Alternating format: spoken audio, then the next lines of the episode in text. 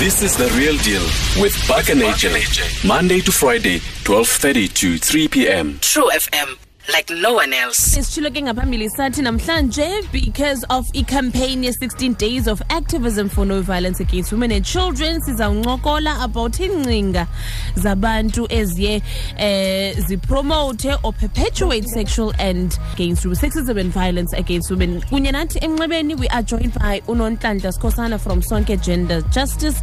Nonhlanhla enkosi kakhulu ngothatha ixesha lakho uzoncokola kunye nathi true fm Eh ngiyabulela wena nabalaleli. All right, can you please tell us about Sonke Gender Justice eh nomsebenzi eniwenzayo? Isonke Gender Justice inhlangano yabantu esebenza namalungelo abantu futhi isebenza nangezindaba ze gender and HIV. All right. And what kinds of attitudes and actions eh esinazo singabantu ekuhlaleni eziye ziphembelele you know this notion of sexism and violence against women Eh sisami indlela esenza ngayo endabeni yokukhuliswa kwabantwana bamantombazana nabafana yezinye zezinto ezenza ukuthi abantwana bethu bakhule ngendlela engalingani. Ngoba sixabisa kakhulu umntana omfana kunomntana entombazana. Imisebenzi eminingi yasekhaya sinikeza umntana wentombazana umfana ahamba yodlala abuye kufanele atye alale. Eh leyo nto leyo iyenza ukuthi lo mntwana omfana make khula ukhule nengqondo ukuthi yena ungaphezulu noma ungcono emntwaneni wentombazane ingakho ke esikhathini esiningi sizithola sibona kakhulu abantu besilisa bahlukumeza abantu besifazane ngoba uma ngenzi lento efuna ukuthi makayenze eh uvele akwazi ukuthi angakwazi ukuthi amshaye noma amdlengule ngoba yena ufuna ukuba ungcono kunaye. Kanti uma singafunda singumphakathi ukuthi indlela esikhulisa ngayo abantwana bethu sibakhulise bazazi ukuthi bobabini babalulekile futhi bobabini bangcono. Akekho omkhulu kunomunye. So indlela nje esibonayo nasempilweni esiyiphilayo indlela abantu besifazane nabesilisa bephatheka ngayo ayifani. Abantu besifazane esikhathini esiningi bazithola bacindezelekile. Kufana nokuthi mhlambe sithi umama uyasebenza ubuye ebusuku emsebenzini akakwazi uhamba esitratweni azifile asafe. Mm. kodwa kuba lula for umuntu owutata ukuthi ahambe abuye ebusuku azifile asafe. So into esiyikhulumayo ukuthi sicela ukuthi eh singumphakathi indlela esiphathana ngayo nendlela esikhulumisana ngayo.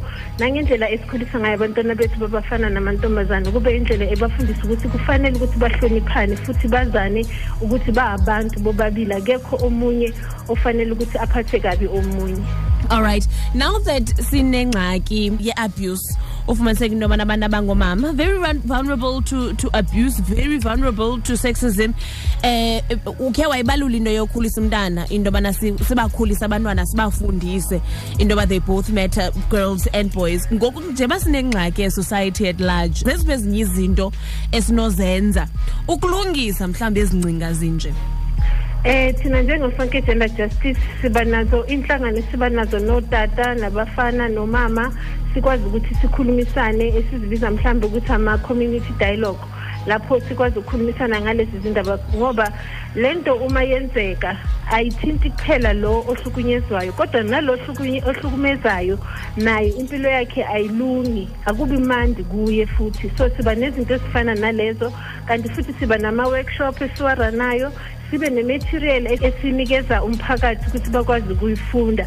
Ngoba nje into engingayisho kwamanje i-case ngikhola ukuthi wonke umuntu uyayazi i-case yaka-patrick wisane owabetha um i-girlfriend yakhe wayibulala. Uma umbheka lo mntana ozosentenswa manje nge-twelve umfana o-about thirty-four year old ekufanele ngabe uyaphila uyasebenza uyazondla ondle nabantu aphila nabo kodwa ke akazukwazi ukuba nalelo thuba because ukhule kwi-society ethi ku-right ukumbetha umuntu wesifazane. Uyabona?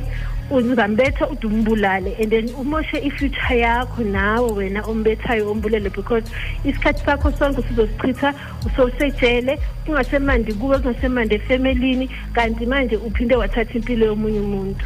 All right. So siyadinga kakhulu ukubonisana ngalezi zinto. All right abantu who want to get in touch with soccer gender justice ukuba ke bafuna uncedo bangenza njani? Isonke gender justice asiyiphi i-counseling kodwa siyabarefera abantu kuma-organizations afana nabo lifeline nabo-adapt thina uma ufuna ukwazi kangcono ngesonke gender justice ungaya kwi-website yethu ithi www.genderjustice.org.za and uh, futhi sine Twitter handle yethu ethi at so at gender justice.